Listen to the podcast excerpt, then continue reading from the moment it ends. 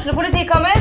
Ine Jansen er purk. Er du purk? The motherfucking bitch. Alt jeg vil, er å finne ut hva som skjedde med mannen min. Jon Carew. Er jeg sikta for noe? Iben Akeli. Det er du. Ole So, Lars Berrum og Big Daddy Karsten. Hvem sin side er du på, egentlig? Anette Hoff, Tone Danielsen, Kommer du fra Afrika? Jørnis Josef, Nesten. Kløfta. Trond Espen Seim, Det er synd å si det, men det var feil mann som døde. Purk. Premiere tirsdag på TV2 Play. Ungsamtalen fra DNB er økonomisk veiledning tilpasset deg som er ung. Bokk en ungsamtale på dnb.no. slash ung. Det er kjempebra hvis du skal inn på boligmarkedet, hvis det er drømmen din, liksom. Det er det du skulle sagt. Og så kunne du ropt litt mer, da, sånn som jeg gjorde. Bam! Åh.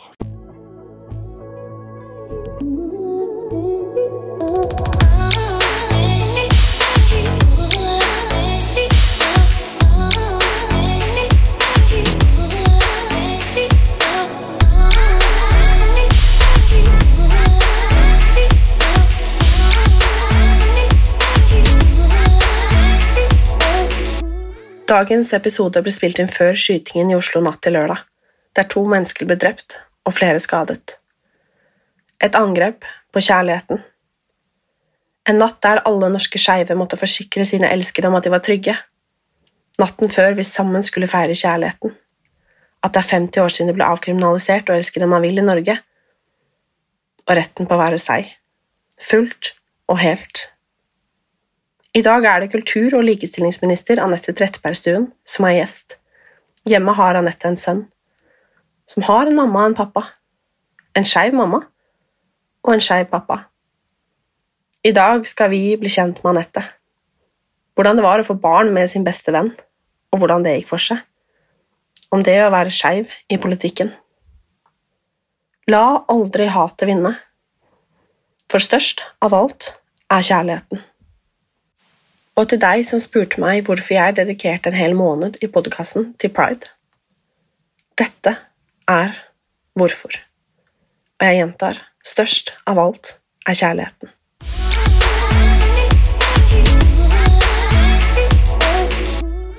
Hei og velkommen, Anette. Tusen takk. Så hyggelig at du hadde lyst til å komme hit. Du, det hadde jeg veldig lyst til. Takk for at du ville ha meg med. Det er, eh, Gleden er på min side. Min. Nei, Ja. er min. det er din. Nei, min. På begge sider, kan vi si. Enig. Altså, Temaet i dag det er jo rett og slett kjærlighet, pride og skal vi si barn. Ja, det kan vi godt si. Du er jo politiker, Mm. eh, og jeg er litt, først og fremst litt nysgjerrig på hvordan du havna i politikken. Du, det var egentlig ganske tilfeldig, fordi at eh, Jeg husker som veldig bestemt at um, jeg hadde en lærer på barneskolen som het Berit, som satt i kommunestyret. Og Hun var en veldig kul lærer, men hun drev og liksom fortalte oss om hvordan det var å sitte i kommunestyret, og fortalte møtene og sånn, sikkert for å få oss engasjert, men jeg syns det virka så sinnssykt dølt. Jeg, jeg kan huske det veldig bestemt, at jeg satt i klasserommet og tenkte sånn det, ja, det skjønner jeg ikke hvorfor noen gidder å drive med polit politikkgreiene. Men så um, da jeg gikk i eh, først, altså første, første året på ungdomsskolen, så um, var det jo dette Brumunddalslaget, som for de som hører på nå, som sikkert ikke vet hva det var, eller husker det, eller var, definitivt var for unge, så var det rett og slett det at i Brumunddal, som er nabobyen til Hamar der jeg bodde, eh, så var det mm, på 90-tallet en sånn gryende rasisme i, eh, i byen da, og nabolaget, og det gikk utover eh, altså vietnamesere som i sin tid hadde kommet som båtflyktninger, der de fikk liksom bilene sine ramponert, til noen som til slutt tente på noens restaurant, knuste ruter, ja, drøye greier. Og dette førte til at det var en organisasjon som het Folkeaksjon mot innvandring, som ble ledet av Arne Myrdal.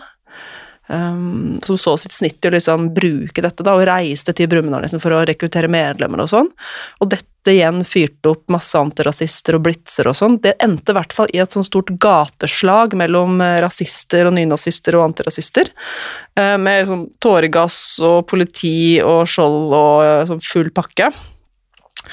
Men det som var så bra, var jo at eh, Brumunddals befolkning de liksom snudde, snudde ryggen da, til Arne Myrdal og rasismen.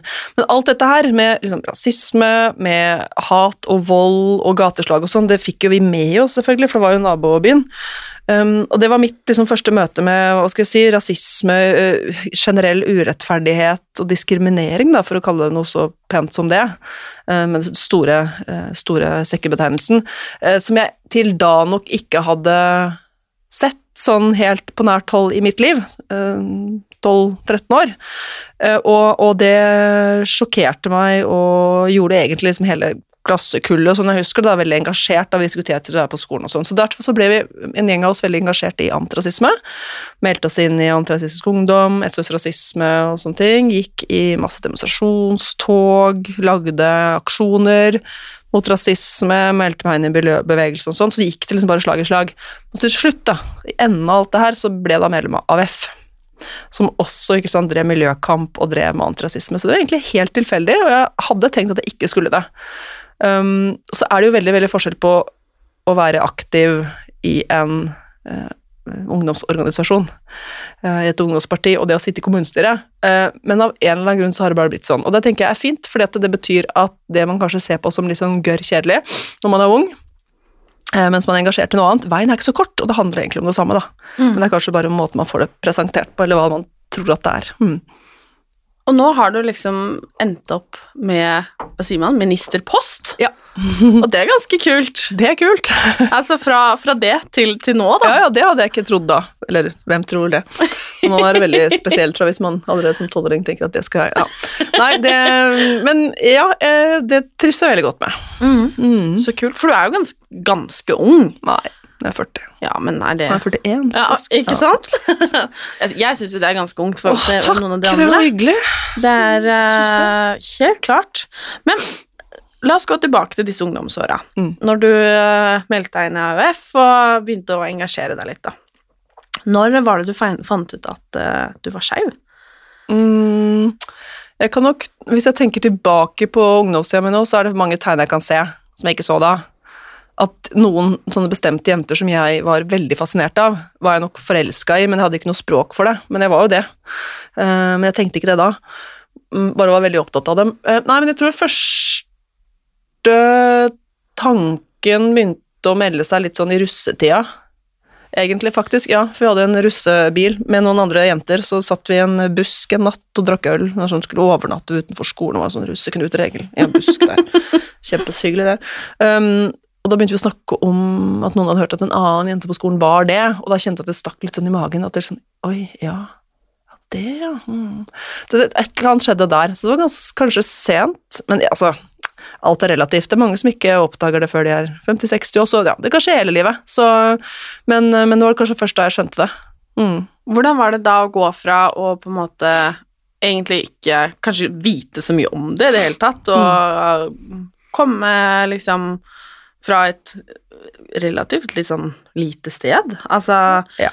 Og hvis det bare var én annen som man kanskje hadde hørt om, så ja. var det jo Det var ikke Nei, det var forbilder, sånn, liksom. Det var ikke sånn at jeg liksom da i den, eh, hoppa ut av den busken og bare ropte 'hei, ja, nå har jeg funnet løsningen på livet, jeg er skeiv'. Uh, absolutt ikke. Det var noen år der med liksom tvil og ja, vet ikke jeg, det er nok Og så hadde jeg guttekjærester etter det også, så mm, men, men, det var liksom da det begynte, uh, på en måte. Og så tenker jeg at uh, det jeg ikke skjønte den gangen også, var at man trenger jo ikke være helt sikker.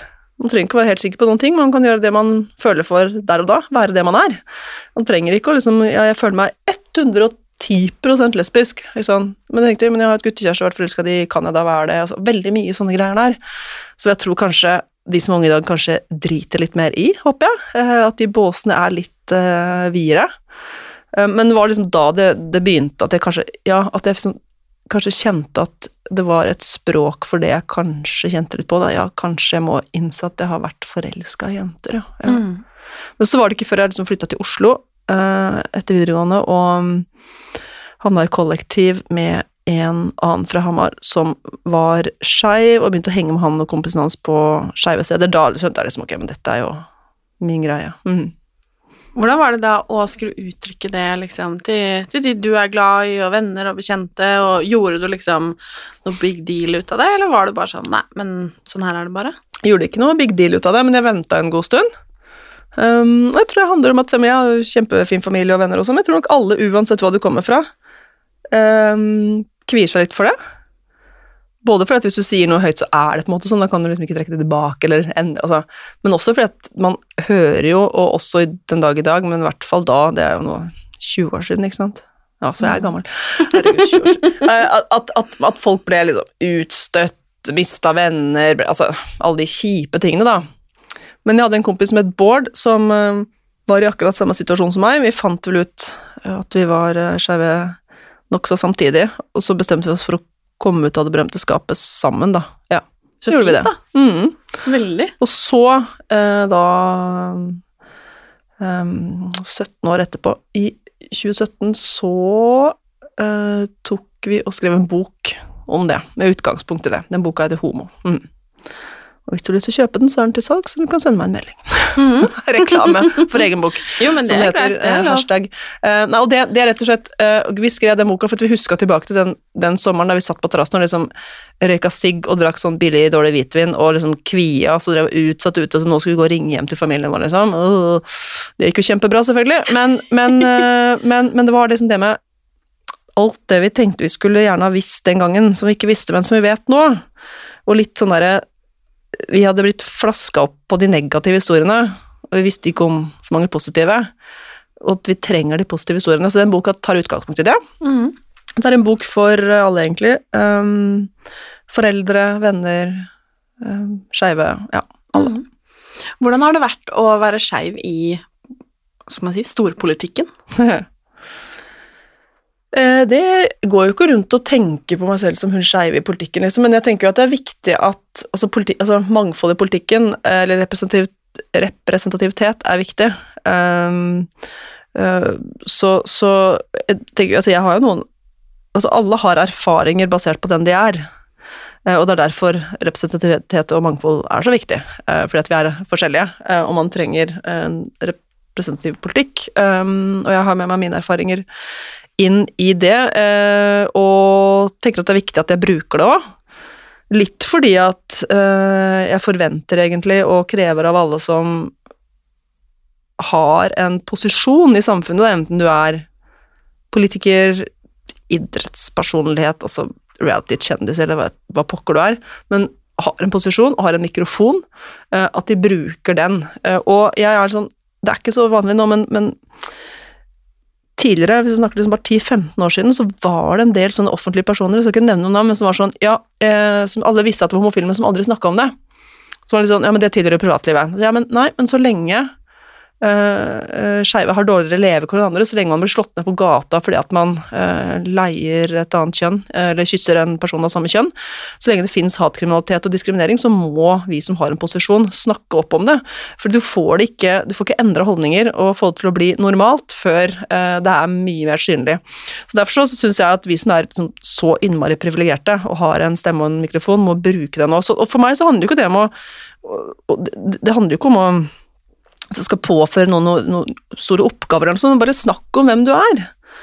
Eh, så derfor så snakker jeg om hvem jeg er, og eh, byr på mitt liv. Da. Altså, mange, veldig mange ville kanskje tenke det at hvem du ligger med, hvem du er forelska i, hvem du er sammen med, eller uh, hvordan du har fått barn, er, tilhører noe veldig privat.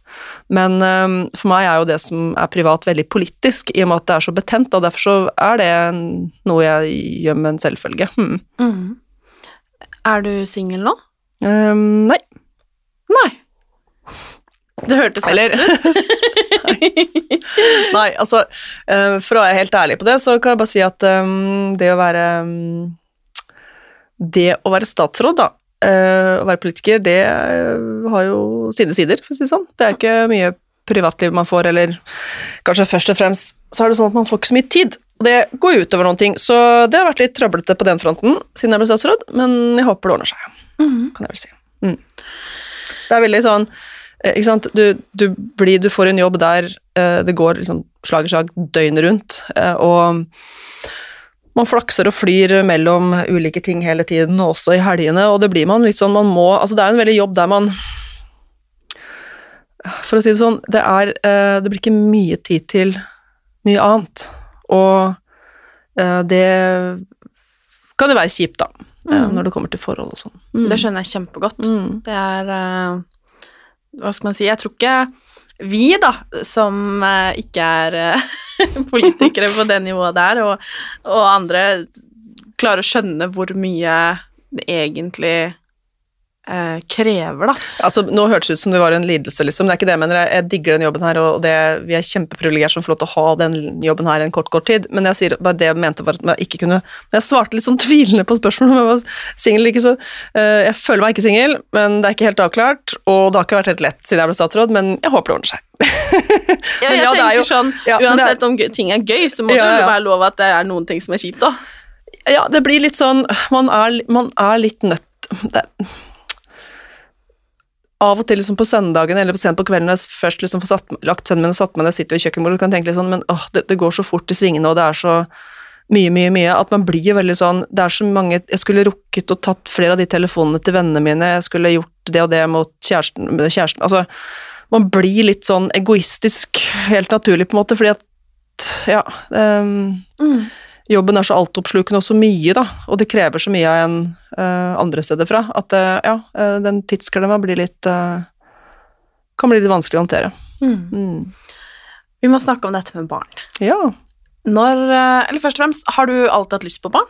Nei. Nei. Absolutt ikke. Jeg fikk noen sånne Jeg tror det var noe sånn rundt 34 eller noe sånt, og så begynte det å komme sånn snikende.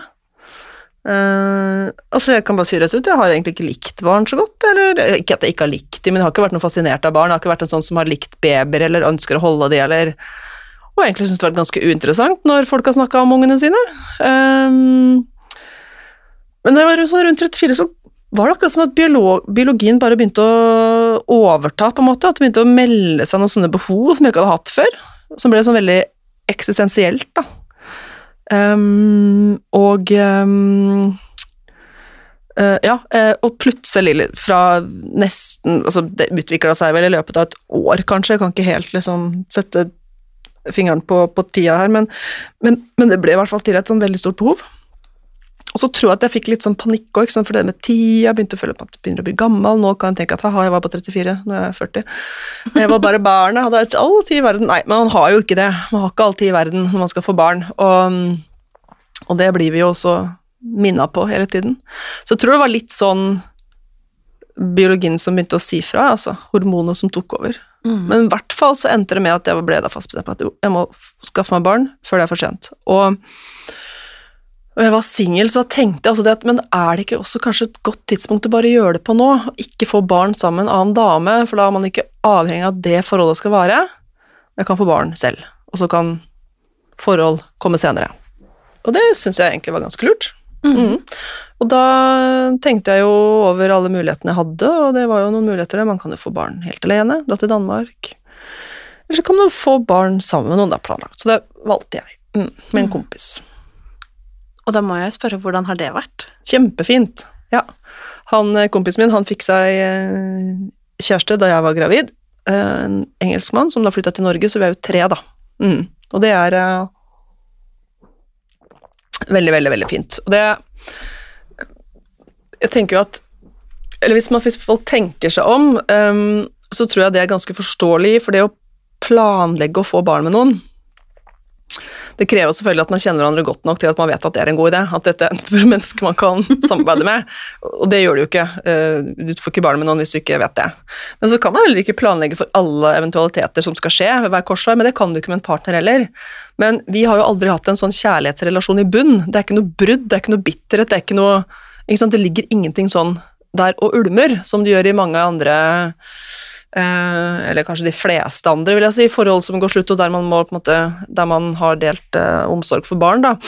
Så det gjør jo at det er noen ting jeg tror vi slipper litt unna. Eh, vi, har veldig, vi, har, vi er liksom verdens beste venner og vil hverandre godt og ja. Eh, jeg syns det er eh, veldig fint, altså. Mm. Anbefaler alle å gjøre det samme. Hvordan har det da vært å skulle dele på dette barnet? For jeg tenker sånn når man får Mm. barn, så Nå har jo ikke jeg barn ennå, men man tenker liksom å, jeg vil ha barnet mitt hele tiden, og Ja. man vet jo med de som skiller seg, at uh, det tøffeste for veldig mange da med barn, er at uh, de må være borte fra barna sine, ikke sant? Mm. Du vet, ferie, jul alene, altså disse 17. mai, ikke sant? Disse, Mm. disse tingene, da. Hvordan har det vært å på en måte signe opp for det fra før av? Jeg, jeg tror nok at akkurat da barnet kom, så ble jeg veldig sånn ulvemamma og hormonell, ville ha barnet mitt uh, helt alene hele tiden. Uh, men, men det løste vi også veldig fint, for han begynte jo ikke å overnatte hos pappaene sine før han var et halvt år. Og da vi trappa det gradvis opp, sånn at det skulle være greit for meg, og også greit for, eh, for Gustav, da, som han heter. Um, og vi har jo 50-50 nå, vi har hatt det siden han var ett og et halvt år, men det betyr ikke at man trenger å ha hele annenhver uker. Det har vi ikke. Det går sjelden Eller med unntak av ferier, da. Nå har akkurat Gustav vært på ferie med pappaene sine i ti dager. Det er lengst han har vært borte fra meg. Da facetimer vi, for nå er han snart fem år. Blir fem år om to dager, faktisk. Eh, Men, men sånn i det vanlige så har vi sånn to dager, tre dager Så, Så du trenger ikke Altså 50-50 trenger ikke bety hele og annenhver uke. Eh, og det er viktig å tenke man kan løse det på veldig mange ulike måter. Eh, og for oss så funker det veldig bra. Det funker bra for han også, for han er ikke veldig lenge borte fra oss noen gang. Um, og når det kommer til sånn med jul og ferier og sånn, så, så har det også vært litt sånn forskjellig, men vi er også mye sammen i det. Mm. Så fint, da. Det er fordelen med at man er venner i bånd, og ikke noe annet. At det Man kan være, være sammen uten Ja. at det er noe bitterhet, ja, ja, ja. liksom. ja, absolutt. Herregud, Mm. så fint. Ja, det er fint. Mm. Men Og jeg sier jo ikke at det er noe som kan Det er sikkert andre som altså Jeg vet jo er andre som har gjort dette her også, som kanskje har andre erfaringer, men jeg tror nok at altså Jeg tenker jo at det er noe å tenke på, fordi at um, det, har, det har sine fordeler, da, hvis, man, hvis det gjøres riktig. Mm. Eh, hvordan har tilbakemeldinger og liksom mottakelsen f.eks. i barnehage vært? Å komme med liksom Ja, Mm. en mamma og to Ja. pappaer. Ja, det kan jeg si, for den første da, man, um, han starter, man starter i barnehage på høsten, ikke sant, og da er det ofte sånn komme i mai på sånn bare se sted og sånn ta med barna og sånn, og, og da husker jeg en av de ansatte i barnehagen hadde sagt at nei, ja, vi, de hadde fått med seg ikke sant, at det var en adresse på faren og en adresse på meg, og så hadde vi vært på dette besøket, da. Da hadde de ikke skjønt noen ting, for de bare hadde sagt etterpå at nei, det kan ikke være altså, var, altså, Da var jo barnet bare ett år, i alle dager, liksom, når har disse skilt seg? Det, og det kan jo ikke være det, for det var jo så god stemning. så måtte de Da hadde de googla, og så fant de historien, da. Og det syns jeg er veldig sånn det, det, Den historien liker jeg veldig godt, for det, det, det Ja, jeg tror det er litt sånn. Det er god stemning, og mm, eh, Men eh, Så det, det fant de veldig fort ut at det kunne ikke være en vanlig skilsmisse, for det var for god stemning der. Men eh, nei, for, for sønnen vår sin del så er jo ikke han noe annerledes enn andre, for han har en mamma og en pappa, og så har han en ekstra pappa også. Um, og det har jo veldig mange etter hvert. Eh, to foreldre og en steforelder, da, ikke sant. Det er ikke uvanlig, det. Um, og så er det andre i barnehagen som har to mammaer, og ja, så det er eh, Barn er, eh, er vant til mangfold av familiekonstellasjoner, da. Eh, så vi har ikke møtt noe Ikke i barnehagen og den type ting, nei, eller rundt sånn i nære kretser, men det er klart noen Da det ble kjent at jeg var gravid, så var det jo noen, spesielt Nina Karin Monsen og de vanlige som klager over alle alternative livsstiler, eh, som mente at det var også galt at det skulle få unnfanget barn med en annen mann som ikke var unnfanget med kjærlighet, men da kjente jeg men, men altså Først var det galt at lesbiske skulle få barn ved hjelp av kunstig befruktning, mens med donor. Da, for det var jo veldig galt. Og når vi får barn med menn, så er det også galt, fordi vi ikke puler, liksom. Altså, det, er, det, er bare, det henger ikke på greip, da. Ja. Så um, det tar jeg med knusende ro. Det syns jeg det skal. Ja. Men det er jo da fristende å spørre, siden du tross alt er politiker, da ehm, Dette her med at nå så må jo kvinner som har lyst på barn alene Jeg kjenner også en dame som hun er helt alene, har vært helt alene hele tida, Mm. som valgte å dra til eh, Danmark og Mm. var verdens nydeligste jente Ja. nå. Um, hvorfor er ikke det lov i Norge? Det er lov nå. Er det det? Det er lov fra i fjor. Mm. Hæ? Ja. Så hvis jeg Du har lov. Still deg i kø. Mener mm. du det? Ja, ja. Det var eh, Det fikk eh, Arbeiderpartiet og eh, SV ordna opp i i Stortinget. Mm.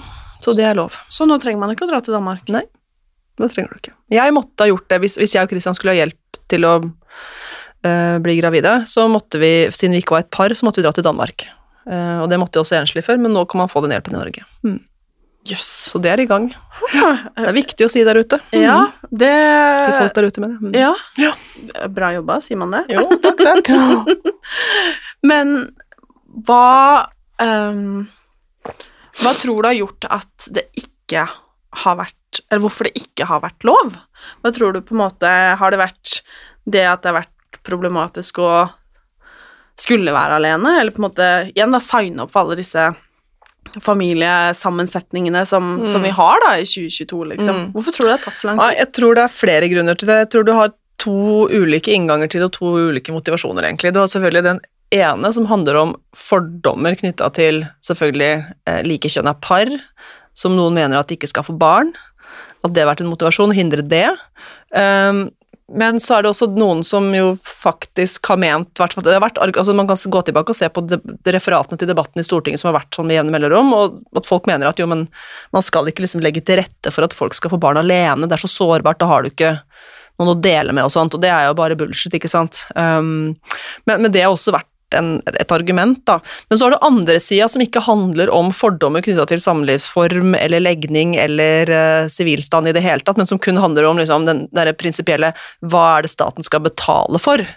Um, men um, men um, disse tingene har jo utvikla seg gradvis, og bare fra da vi debatterte ekteskapsloven i 2007, ikke sant, da det var liksom massiv motstand mot at enslige skulle få lov til Også lesbiske par skulle få lov til å uh, få hjelp til å bli befrukta med donorskjedd, um, og enslige i hvert fall ikke, så har ting gått ganske raskt framover, altså.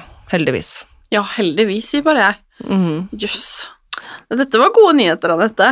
Jo, takk. Vær så god. Men uh, kunne du tenke deg flere barn? Nei. Nei. Det var, det var uh... Jeg har eh, vært Jeg har ikke sovet, liksom, føler jeg, på fem år, så nei. Nei, det er Jeg vel tror jeg har blitt en av en veldig dårlig menneske hvis jeg skulle fått et barn til. Ja. Ja, men det er jo fair, det. Altså Når jeg kommer hjem nå, så vet jeg at ikke sant? Først skal jeg hente i barnehagen, når jeg kommer inn døra, så vet jeg at der møter det meg et eh, en hel boks med sånn Scrabble som han klarte å bare eh, kaste ut av esken idet vi skulle ut døra. Der ligger også deler av frokosten hans, så kan vi bare bevege oss inn i stua, der er det masse rot, og så inn på kjøkkenet, der står frokosten. Og det er sånn det er hos meg hver morgen, ikke sant? Og så må jeg hjem og ordne opp i kaoset. Så det er ikke rom for noe mer. Nei. Nei. Nei. Tror du det hadde vært rom for mer hvis du hadde en partner? Veit ikke, jeg. Nei. Nei. Nei, jeg tror det er nok barn nå. Ja, men jeg tenker jo at det er jo helt fair. men hvordan tror du altså partnerens barn, selvfølgelig, men Ja, altså jo, men Jeg trenger ikke å føde flere barn. Nei. ja. Men eh, jeg må jo også spørre eh, hvordan du på en måte har blitt møtt med denne historien Mm. gjennom media og diverse. Mm. Uh, for den er jo kjent, Mm. Uh, og jeg så det er jo ikke så lenge siden Nettavisen hadde et oppslag. Mm. Eh, hva sto det? Hun er eh, både eh, jeg, var- jeg, lurer på om de hadde brukt ordet homo, tror jeg.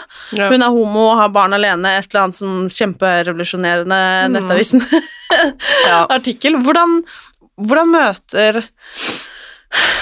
Vet jeg ikke om det dukker inn i kom kommentarfeltet i Nettavisen, kanskje, men hvordan er tilbakemeldingene der ute? Eh, jo, jeg kan jo altså jeg, hus, altså jeg leser ikke så mye kommentarfelt, det tror jeg ikke, det skal ikke folk drive med. Um, men uh, men da, da, da, de, da de lagde saker på at jeg var gravid og skulle få barn med kompis, så ble det jo masse oppmerksomhet rundt, og da har jeg aldri fått så masse tilbakemeldinger i innboksen som da, og det var 90 av det var bare positivt, ikke sant, og det er viktig å få med. Så var det noe grums, selvfølgelig. Det er ofte grumset som syns, da. Men det er, for, det er jo noen historier som avisene syns liker å skrive om, nettopp fordi jeg har vært så åpen på liksom hvordan vi gjorde det og sånn, og det er jo godt klikkmateriale, da, ikke sant. Så, men det er jo noen som jeg merker at liksom syns det er litt sånn Fortell mer, sånn at de kan lage overskrifter og få klikk. Og så er det andre som bare er liksom opptatt av å eh, ja, ta samfunnsoppdraget sitt og, og, og, og formidle liksom alternative måter å leve på, da. Så, men jeg byr på det til hvem, som, hvem det skal være. ja. Da må jeg spørre, hvordan gjorde dere det? Du, Du har ikke fått med det? Så bra. Ja, da har du ikke det. var Ja. Har du ikke lest Nettavisen og VG og Dagbladet? Nei. Nei eh, det var rett og slett sånn. Vi bare kjøpte en eh, sprøyte, altså uten spiss, da, må si, på øh, apoteket. Det koster tre kroner. Og så gjorde vi det sånn at liksom målte og timet akkurat når jeg hadde eggløsning og sånn. Da kom han hjem til meg, og da gikk jeg ut, og så gjorde han sine greier. Og så sa han fra at nå er jeg ferdig, nå er jeg gått, og så kom jeg hjem igjen, og der sto det en sprøyte i en kopp som var liksom ferdig trukket opp. Veldig sånn klinisk, og selvfølgelig første gang kjempekleint, men egentlig ikke. Det er liksom mm. veldig, ja. Mm. Ja. Det må jo inn da, liksom, så Ja, det, det er rart med det. Det må du uansett. må det. Ja, for jeg tror kanskje eh, hadde jeg faktisk ikke tenkt på det, men nå, nå som jeg tenker på det, at man tenker at man måtte ligget sammen. Nei, det hadde du ikke. Liksom. Nei, nei, nei. Det er greit å unngå, Nei, det går ikke. kanskje. Ja, nei, det Hva er dine største hjertesaker i politikken? Nei, Det går jo fortsatt langs de baner som gjør at jeg ble engasjert. Da. Det med altså, kampen mot urettferdighet, kampen for altså, likeverdighet, eh, at det ikke skal være forskjeller på folk. Da. At man skal kunne være eh, fri og leve et fritt liv uansett om hvem du er, om det er hvor du bor, hvor hudfarge, kjønn osv. Mm. Så det er liksom likestilling, da, på Mm. mange måter, som er min store, fortsatt store rød tråd i politikken og engasjementet. Da har du jo fått eh, en passende jobb med passende tittel. Syns det, altså. Verdens beste jobb. Ja. om man sier det sånn. Men Mm. i Nå skal ikke jeg egentlig stille deg masse politikerspørsmål, men det er egentlig jeg som er nysgjerrig her. Ja, vær så Eh, ikke så ofte man får sitte og snakke med, med en minister, liksom. Hallo! Hva syns du, da? Eh, nå er kultur og likestilling ditt felt, mm. men hvilke største utfordringer innenfor det mener du at vi har i dag? Likestilling generelt, og ikke bare homopolitikk. Ja. Nei, eh, det er mange, egentlig.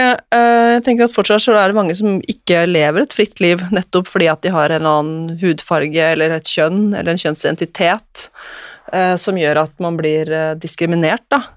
Fortsatt er det sånn at veldig mange damer eh, spesielt eh, ikke er økonomisk fri, jobber mye deltid eller jobber midlertidig og ja, er liksom avhengig av en annen, og det gjør at du ikke er fri. Det er en ting er at du ikke får boliglån og alt det her, og ikke kan planlegge for ferie og fritid, men vi vet jo at de som er på krisesenter f.eks., og, og går tilbake til et voldelig forhold, eh, gjør jo det fordi at de ikke kan forsørge seg sjøl og unga sine. Så det er mange, mange ting. I tillegg så er det jo sånn at veldig mange jenter spesielt, men også gutter, lever under negativ sosial kontroll. At de ikke får lov til å delta på fellesskapsarenaene som vi er vant til, altså gå på kino, være med i gymmen, henge på klubben eller gå ut. Eh, Fordi at noen andre, gjerne voksne menn, da, mener at det ikke sømmer seg. Vi har mange likestillingsutfordringer i, i Norge i dag. Mm. Det er bare to av nå. To, Ja. tre, ja. Hvis vi skal ta i homopolitikken, da. Mm. Nei, nå er det jo 50 år siden homofili ble liksom lovlig i Norge.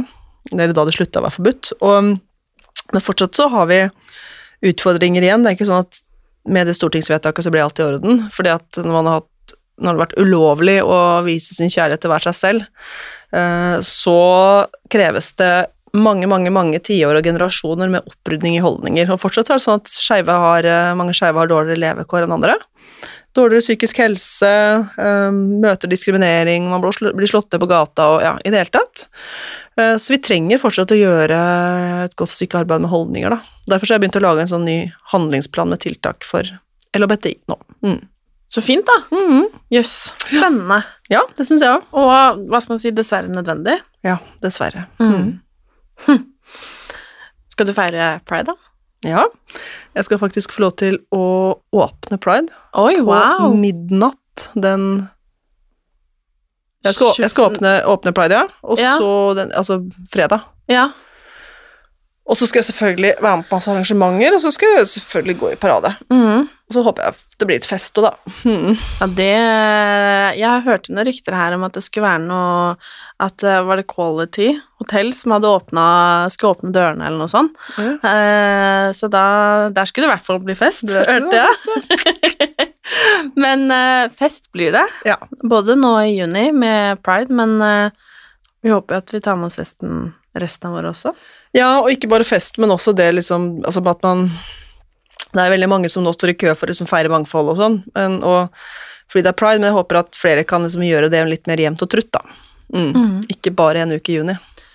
Og da må jeg spørre også, hva kan jeg som medalliert og medmenneske Mm. gjøre? Jeg tror alle sammen kan bare altså, For jeg tror at noe av det som skeive opplever, er at man ofte, altså i møte med liksom kanskje enten det offentlige, altså lærere, eh, leger, Nav, altså i det hele tatt alle offentlige kontorer og sånn, man blir egentlig tatt for gitt at man er heterofil. Eh, For eksempel når eh, skeive jenter skal gå til gynekologen, så kan det ofte være flaut å måtte si at liksom Nei, men du, jeg ligger ikke med menn.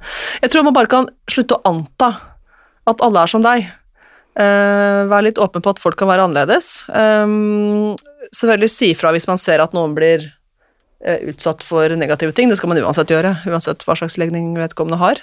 Uh, bare ha litt åpne øyne. Mm.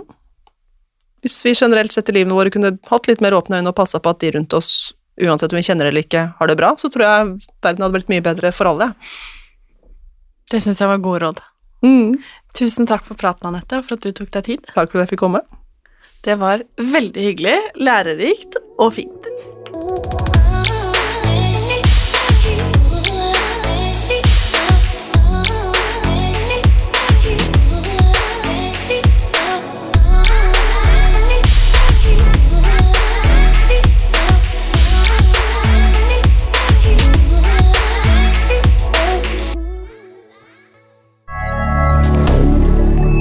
Media.